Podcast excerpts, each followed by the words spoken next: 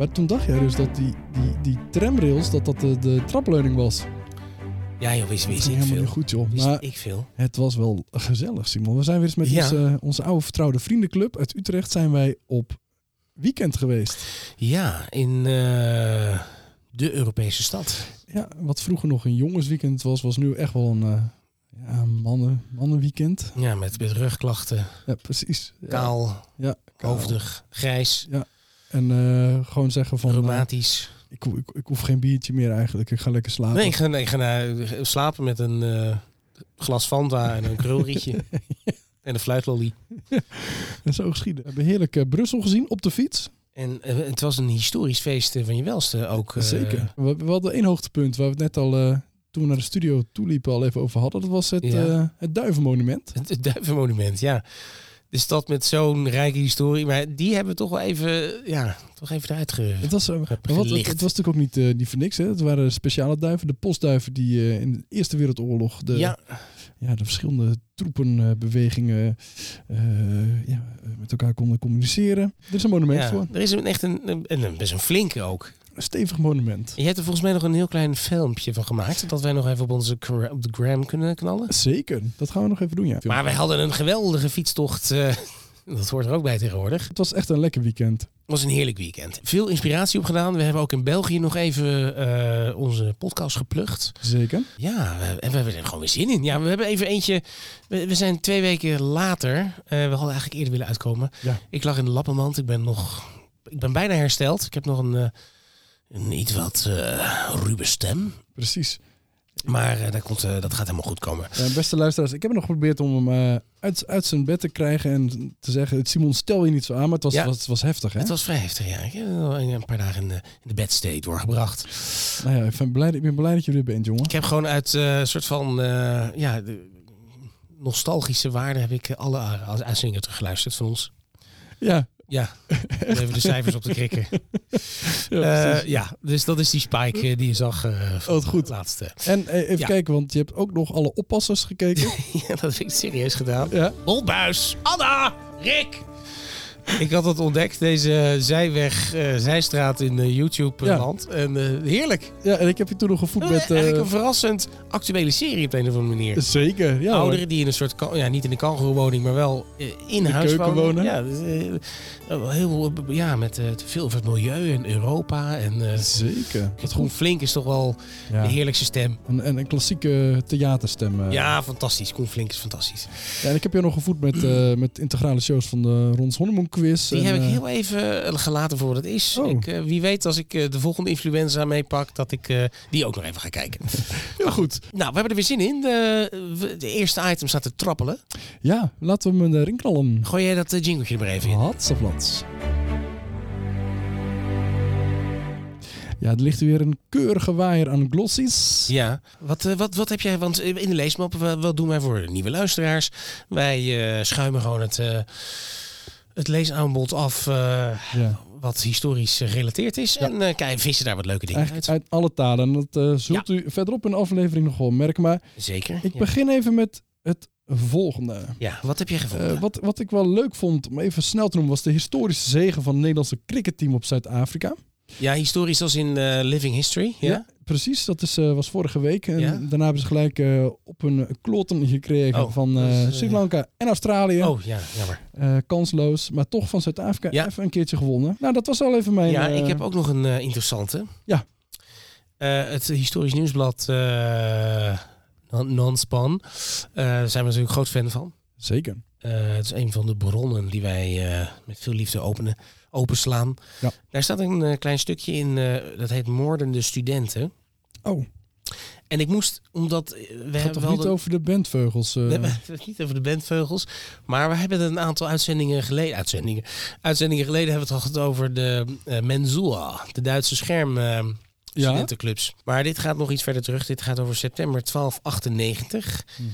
Gingen twee groepen clerks, en Mhm. dat zal ik zo zeggen wat dat is, elkaar te lijf in de straten van Oxford, waar natuurlijk de universiteit staat. Ja. Eh, zo vertelt een juridisch verslag uit die tijd.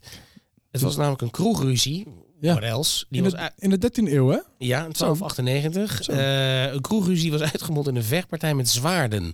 En minstens één strijdbel. dus de- je, komt zo, je staat in het café en denkt, nou, we- we gaan even naar buiten. Ik pak even mijn strijdbel. Ja. Toevallig bij je. En een van de ruziemakers stierf en de rest belandde in de gevangenis. Nou, en dan staat er dus in ja, dat dit soort geweld was in de, ja, de late middeleeuwen eh, in Oxford niet ongewoon. De universiteit die trok natuurlijk veel jonge eh, mannen. Ja. En die, ja, die springen nog eens uit de band. Hè? Dat hebben we ook eh, gezien. Ehm, Ja. eh, met, met de Menzua. Maar ehm, ja, dus er werd regelmatig geknokt. En ook die ruziemakers uit 1298, waar dan dit stuk, dit juridische stuk, eh, verslag over gaat, waren waarschijnlijk studenten. Want de term clerk was toen, die werd gebruikt voor dat soort, ja, voor die bevolkingsgroep, zeg maar. Maar dan staat er dus zo'n 75% van de veroordeelde moordenaars was een clerk. Oftewel, in Oxford was 75% van de moordenaars was gewoon student. Dat meen je niet. Ja, en 72% van de slachtoffers Zo. die vielen in Dat die stad. heel gewelddadige studies. Ja, maar dus een groot aantal van de moordenaars was gewoon student. Gewoon student. Ja. Bizar, hè? Hey Oliver, long time no see. Hey Jack, this is uh, Mary, my friend. Hey, wat wil je drinken? Doe mij maar een kroes eh, bier. Oké. Eh, hier is je cruise bier. Thank you. Ik heb er vergif in gedaan. En wat ik eh, nog meer tegenkwam, vond ik ook wel heel leuk. En dit was wel leuk omdat ik zelf op deze plek ooit geweest ben. In Noord-Amerika, in de staat New Mexico, in, van de Verenigde Staten. Ja, is Daar, Van America, daar hebben zij de oudste voetstappen van het, dat continent hebben ze gevonden, van dat continent. Oh ja, want we hadden een eh, paar afleveringen geleden de oudste... Wat was het weer? Duitse voetstappen? Ja. Nee? Ja, de oudste Duitse voetstappen waren dat. Echt Duits? Ja, eh, eh, volgens mij de oudste Europese zelfs, die dan Ja, Duits waren. maar die inderdaad. waren dan Duits. Maar dit... Maar dit zijn dus de oudste Amerikaanse voetstappen in Ja? de Verenigde Staten van Amerika. En die waren hoe oud? Deze zijn oud. Even kijken.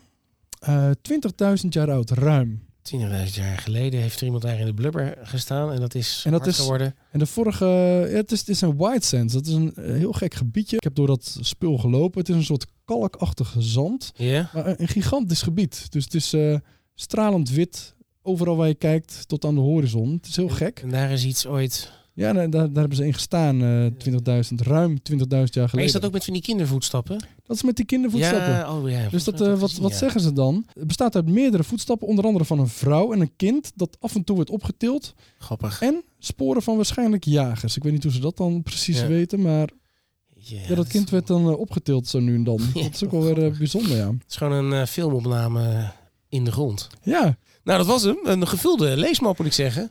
Ja dat is lekker, eh, lekker dik, eh, vuistdik. Heel goed. Hartstikke dik. Voordat wij eh, doorgaan naar het hoofdonderwerp. En ik weet dat mensen thuis zitten te trappelen. Ja.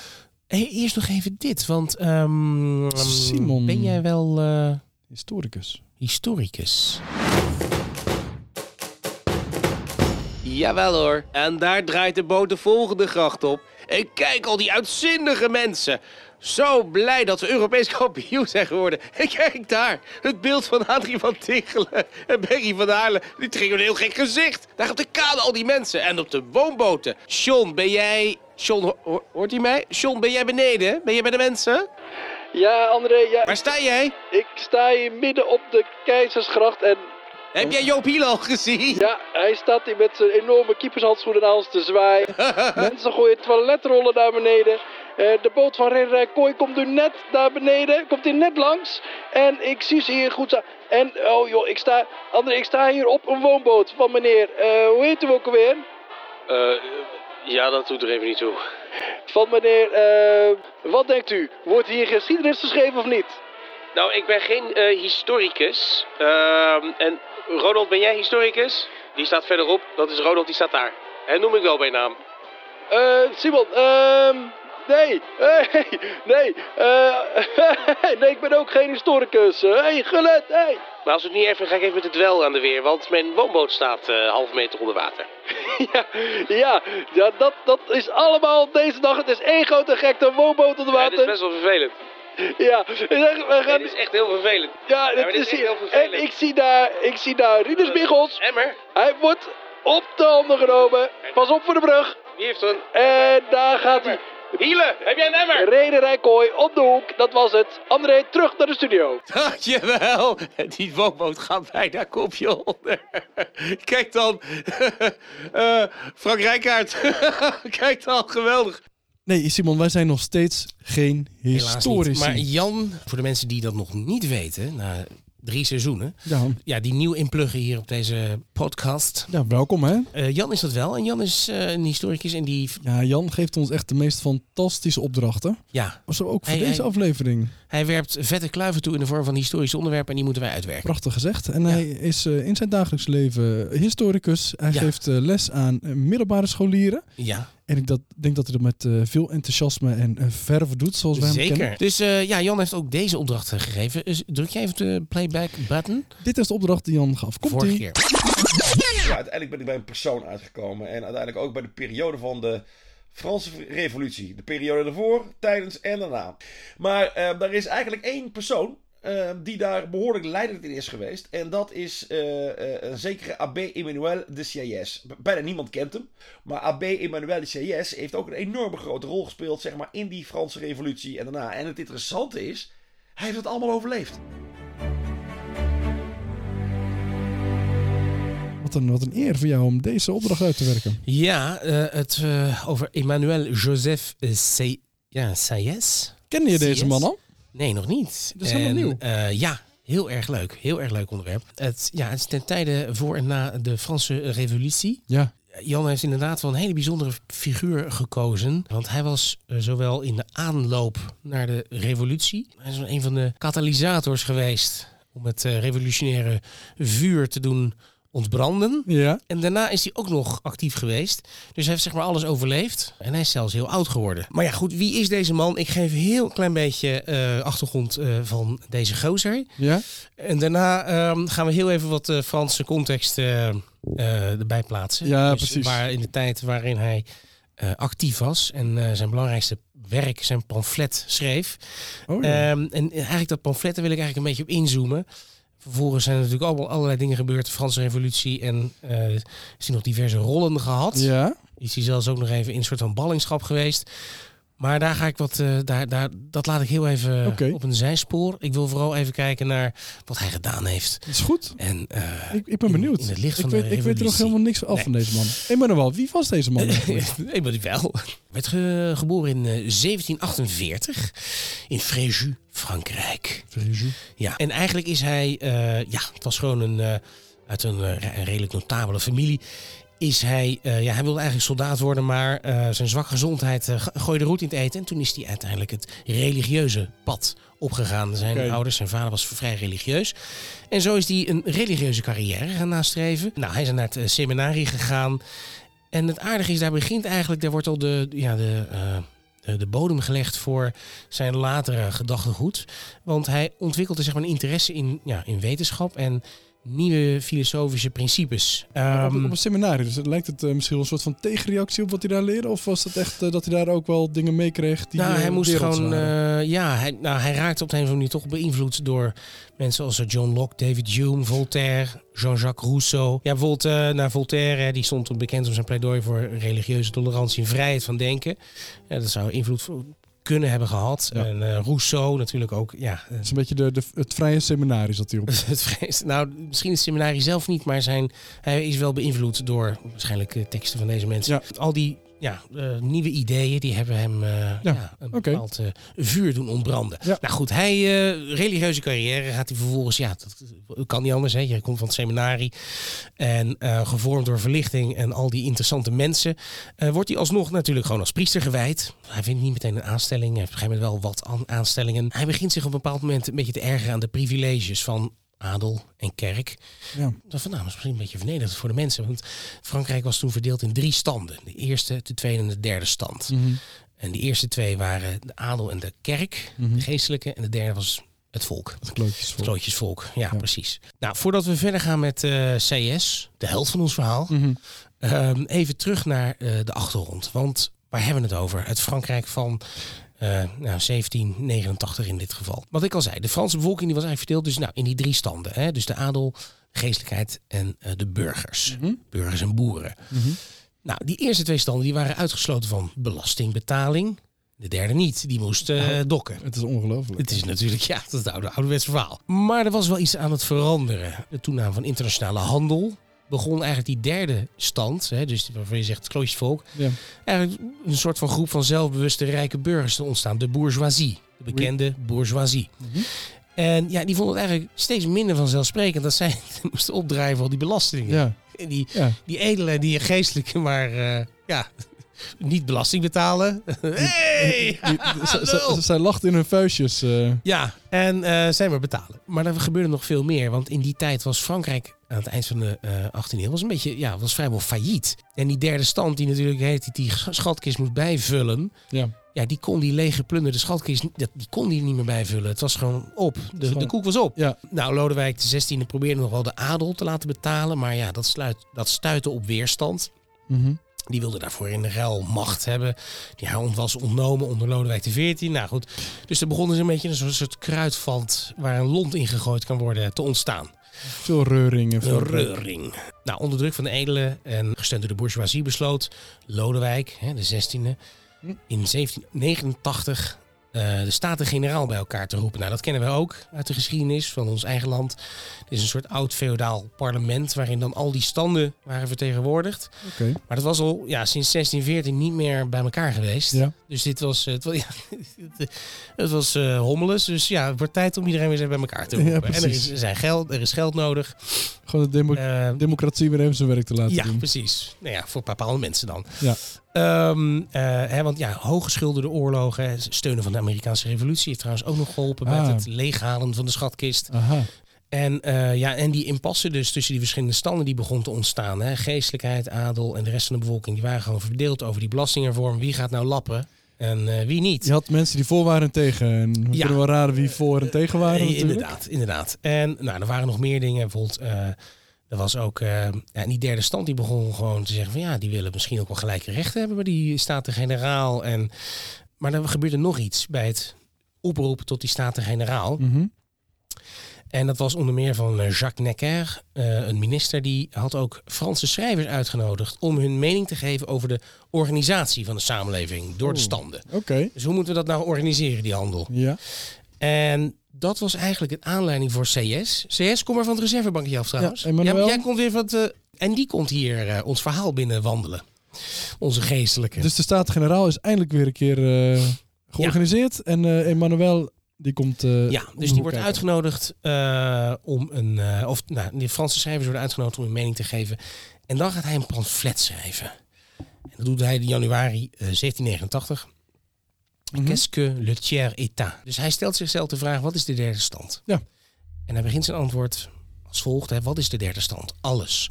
Wat is er tot nu toe geweest in de politieke orde? Niets. Wat verlangt het te zijn? Iets. Nou, in Mooi. een nutshell, dat is het. Ja. Wat wil die derde stand? Het is niks, het wil iets worden. Ja.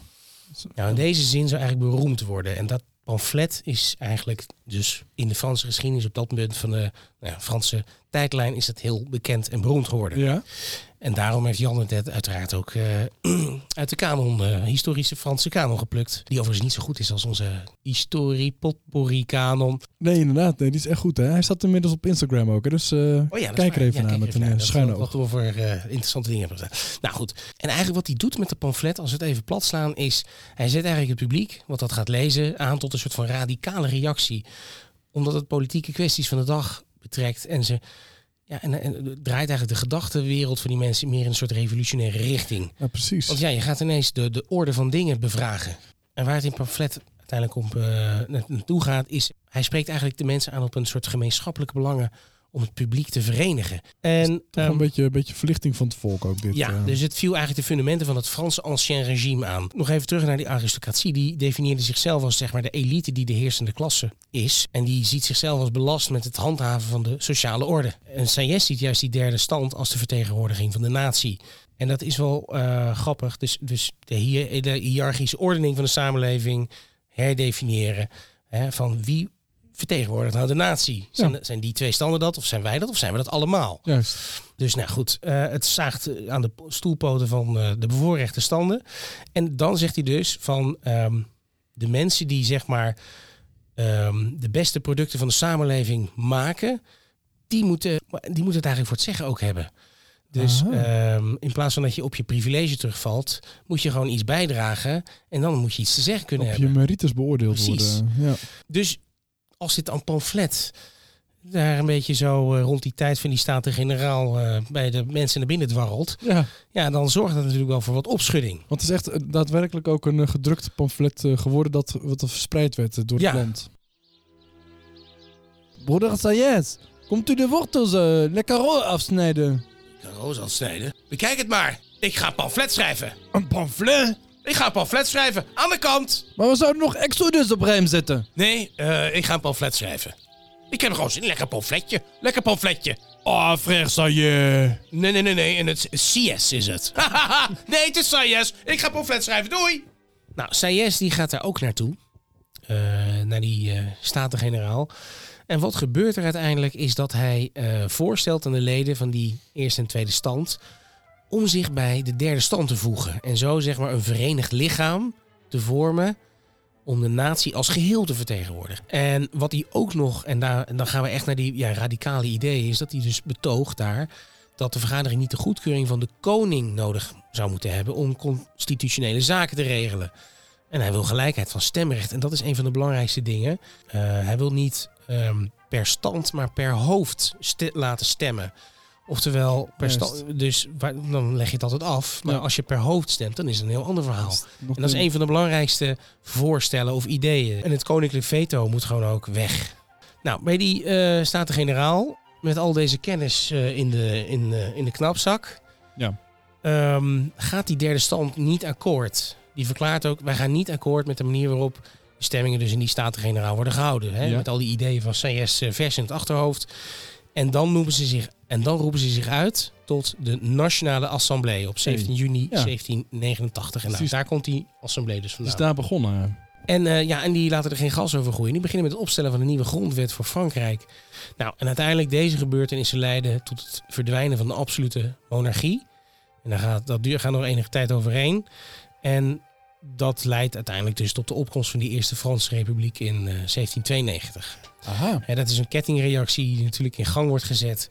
En eh, met uiteraard de Franse revolutie tot gevolg het verdwijnen van de monarchie, het onthoofden de guillotines, Maar ik, ik, zie, ik zie in het pamflet van Emmanuel zie ik wel eh, egalité en broederschap wel duidelijk terugkomen. Ja, er zit natuurlijk, eh, het is heel sterk gedreven op het bij elkaar brengen van alle volkeren, standen. ja. En te zeggen, ja, en, en, en je moet wat bijdragen. Wil je er ook, eh, ja, je Ja. moet er ook wel wat voor doen ook. Ja, ik vind het heel interessant. Deze man kende ik niet, maar dit is wel echt wel een hele belangrijke Ja, het geweest. is, is, voor, voor die gedachtenstroom is hij heel belangrijk geweest, zeg maar. Die uiteindelijk leidt tot, tot de revolutie. Maar die revolutie werd, werd natuurlijk sowieso, wat ik in het begin al zei, ook aangewakkerd door al die ja, ellende, ernstige financiële problemen, die, eh, die hoge schulden, die verschillende standen, die impasse die daar was ontstaan.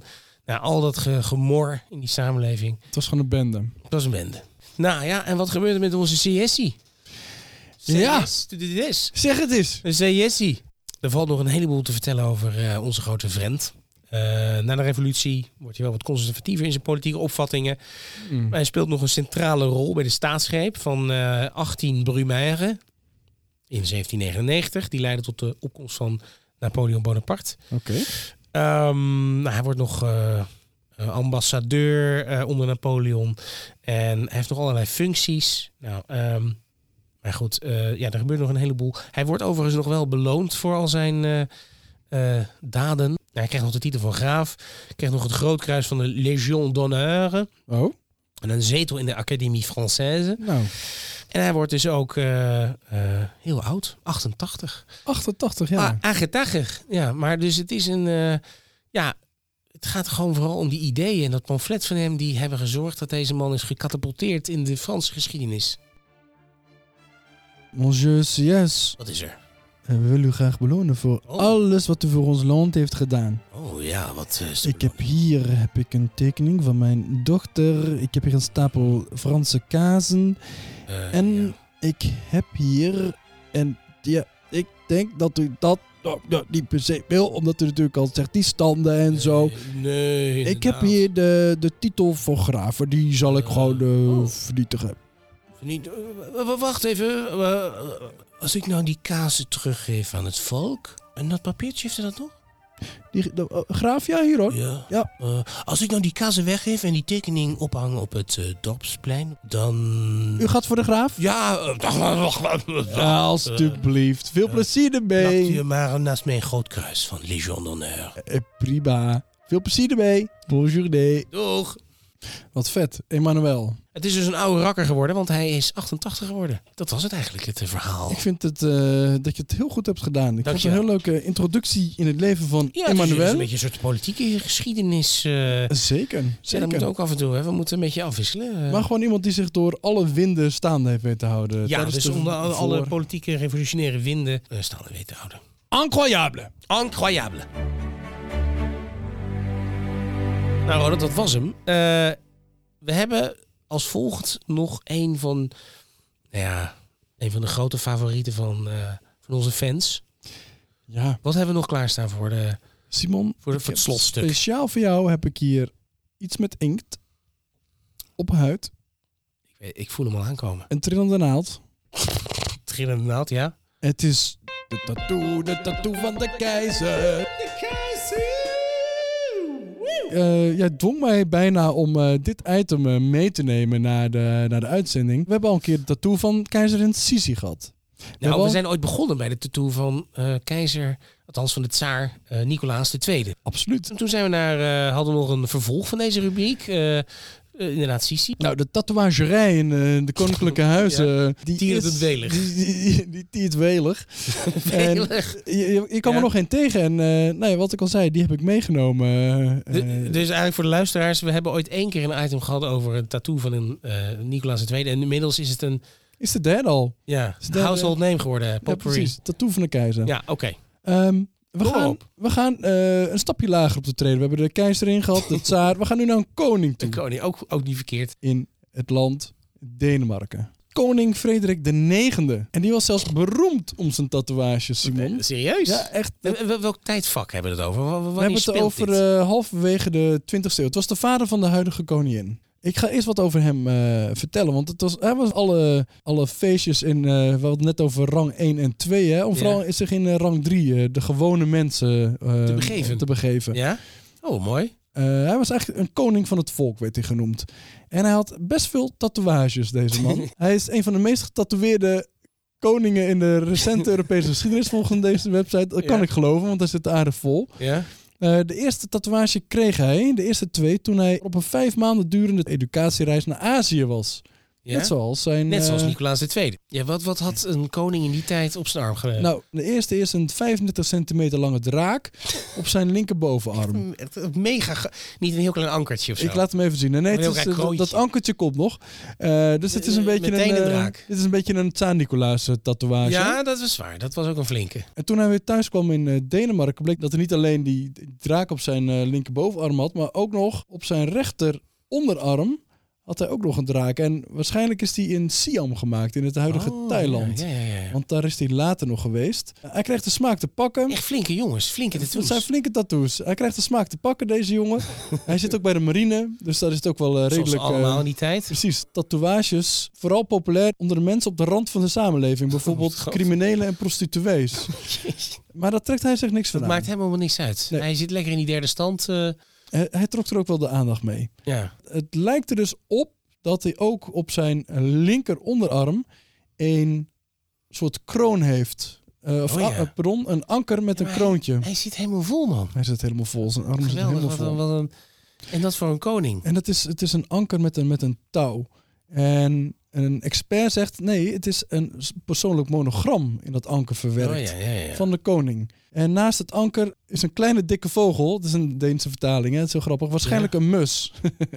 En waarom een mus? Nou ja, dat is symbolisch. Want na een lange reis op open zee is een eh, vogel duidelijk teken van dat er land in de buurt is. Oh ja, Eh, dat is waar. En die vogels waren ook het symbool van, eh, van vrijheid. En daarom had hij op zijn eh rechterbovenarm ook nog een aantal paradijsvogels laten tatoeëren. Oh, mina, ja, het zijn wel het echt zijn echt wel mooie enorme tattoos. Ja. Ja, veel van de tatoeages van de koning worden gemaakt tijdens zijn reis in het buitenland. Maar een aantal zijn er ook in Denemarken zelf gemaakt. En was mogelijk in Niehaven in Kopenhagen. Maar Niehaven nummer 17 is nog steeds een tatoeage. Er zit nog steeds een tattoo tattoo parlor. Ja, Dat ben je niet. in de jaren 50 van de vorige eeuw. Toen had de winkel zelfs een, eh, een ontbloot eh, bovenlichaamfoto van de koning eh, in de winkel hangen. Als reclame. Maar de politie heeft die, heeft die snel weggehaald. En die Blanks dacht van... Zo die koning zelf denk ik van dacht van, hé hey man, dat is tof. Super vet. Ja, Super mooi. De Kopenhagense politie die vond het, vond het bij niks. Oh ja, en, en er was nog één, één tatoeage op zijn eh, linker onderarm die heel erg onduidelijk was. En dan kon ze niet zeggen wat het is. Maar een van zijn dochters, prinses Benedict, heeft gezegd... Nou, dat weet ik wel, dat was een vos. Dus die heeft even geholpen met het identificeren Met van alle... in kaart brengen van zijn tattoos. Precies. Ook omdat eh, jagen een van, de van de hobby's was eh, van de koning. Hij had nog een hobby. Zijn hobby was bodybuilder. Echt niet. Echt niet. Serieus? Deze koning was bodybuilder. Dat meen je niet. Zo, hij is echt En, eh, eh, behoorlijk, ges- werd gespierd. Zeker, hij werd getraind door voormalig eh, Olympisch gewichtsheffer en Olympisch coach George Welsh. Die, eh, die de koning een van zijn beste studenten noemde. Maar die coach van hem die woonde in, eh, in Londen. En het grappige is, hij deed, hij deed een cursus, maar hij deed een, eh, een soort correspondentiecursus. Want per brief en foto's niet te zien wat zijn vooruitgang was. Toen tekende hij het zelf. Toen tekende hij allemaal spieren erbij. ja, hij liet die foto's die liet hij dus sturen naar zijn coach in Londen. En die foto's werden dus gelekt en eindigden meteen in 's werelds grootste tijdschrift. Dat was Amerikaanse Live Magazine. Ja? En daarin kon je de, de, de, de koning goed zien. Eh, de, die foto's zijn, zijn dus gelekt. En dan staat dus ook nog een, eh, zijn laatste aanwinst. En dat is een enorme Chinese draak midden op zijn borst. Eh, dus dat Jeetje. is ook een, echt een enorme tattoo. Het is echt een, een wijze bink, dit. Ja, en die laatste draak op zijn borst, die had hij, had hij zelf, dat motief had hij zelf ontdekt, de koning. En die heeft hij aan George Burgett en, eh, in Londen heeft hij gevraagd of hij hem op zijn, eh, op zijn borst wilde tatoeëren. Volgens een anekdote, tijdens het twee uur eh, durende tatoeageproces in Londen. Dus hij naar Londen. Ja, de koning naar Londen. Hier ben ik dan. Kon hij, kon hij gelijk even naar zijn coach toe. Die zat Nou, er ook. zo, dit zijn mijn spieren. Dit zijn mijn spieren. Ik ga nog even tatoeage pakken. Ja. En om de pijn niet te veel te voelen, had hij heel veel sterke Turkse sigaretten gerookt tijdens het proces. En eh, veel alco- alcohol gedronken. Dus dat gewoon een zatte, rokende koning. eh. Dit is werkelijk de, de, de, de meest ruige koning. So, your royal highness, do you feel anything? Are you okay? Wacht even, ik steek vijf sigaretten tegelijk op. Misschien moeten we deze Turkse sigaretten gebruiken. Hey, wat is dit dan? Oh man, dit is fantastisch. Ik steek er gelijk tien tegelijk op. Heb je een vuurtje? Even die klauw van de draak nog even afmaken. Oh, geef me dan snel een paar extra sigaretten, man. Yo, ik voel niks meer. Ik heb wel even drie met een pepermuntje. Nou daar in die stoel... die tatoeages, Simon. Ik denk dat wij binnenkort even onze eigen historie potpourri tatoeage Eh. moeten laten zetten. Ik vrees het ook, ja. Ja. Ja, en voor de volgende aflevering, eh, er is er maar één die dat eh, kan vertellen. En eh, volgens mij hebben wij een, eh, We hebben een bericht van onze Jan. een audio message. Komt-ie. hey, we hebben Jan nog niet gesproken. Anders bellen we hem even. Meiden, Janus hier. Ja, jongens. Ik, eh, ik, ik heb voor jullie een nieuw onderwerp. Dit onderwerp, eh, mannen, dat eh, is een term. En eh, dat heeft natuurlijk alles te maken ook met eh, nou ja, de maand van de geschiedenis. En het thema van de maand van de geschiedenis. Want het is eh per slotverrekening oktober. En jullie krijgen van mij een term. En wat daar de gevolgen van zijn. En waar het vandaan komt. En uit, enzovoort, enzovoort. Dat mogen jullie lekker zelf gaan uitzoeken. Die term vrienden, is het woord variolatie. En wat dat nou voor de rest eh, inhoudt, dat mogen jullie zelf uitzoeken. Ik ben heel nieuwsgierig naar het resultaat. En eh, naar de nieuwe aflevering natuurlijk. Eh, ik wens jullie er veel succes mee. En we spreken elkaar later. Doei! Ja, wat moeten we hier nou weer mee? Variolatie. Ah, laat zien. Ja, dat eh werkelijk geen idee. Ik ga mijn winkelen prins nog eens eventjes eh, openklappen. Ja, die, Ja. eh, pak gaan we eens op naast staan. Of misschien het medisch, medisch woordenboek. Ja, pak het er even bij, op schoot, Ja. met een sprits. En dan, ehm, Ga ik daar de volgende keer jou alles over vertellen. Nou, en de heerlijk. luisteraars. fantastisch. Wij gaan nog van alles delen op de, de gram. Zeker. En ik ga ook een pamflet schrijven. En die ga ik noemen de derde, De derde stand. de derde stand. En die Ja. stuur ik dan naar alle politieke partijen. Heel goed. Ja? Gewoon een lekker pamflet. Oké, eh, dankjewel eh Ronaldo. Eh, het was weer een waar genoegen. Ik hoop je snel weer te zien. Ja, bis bald. Dag Simon. Dag. Dag luisteraars.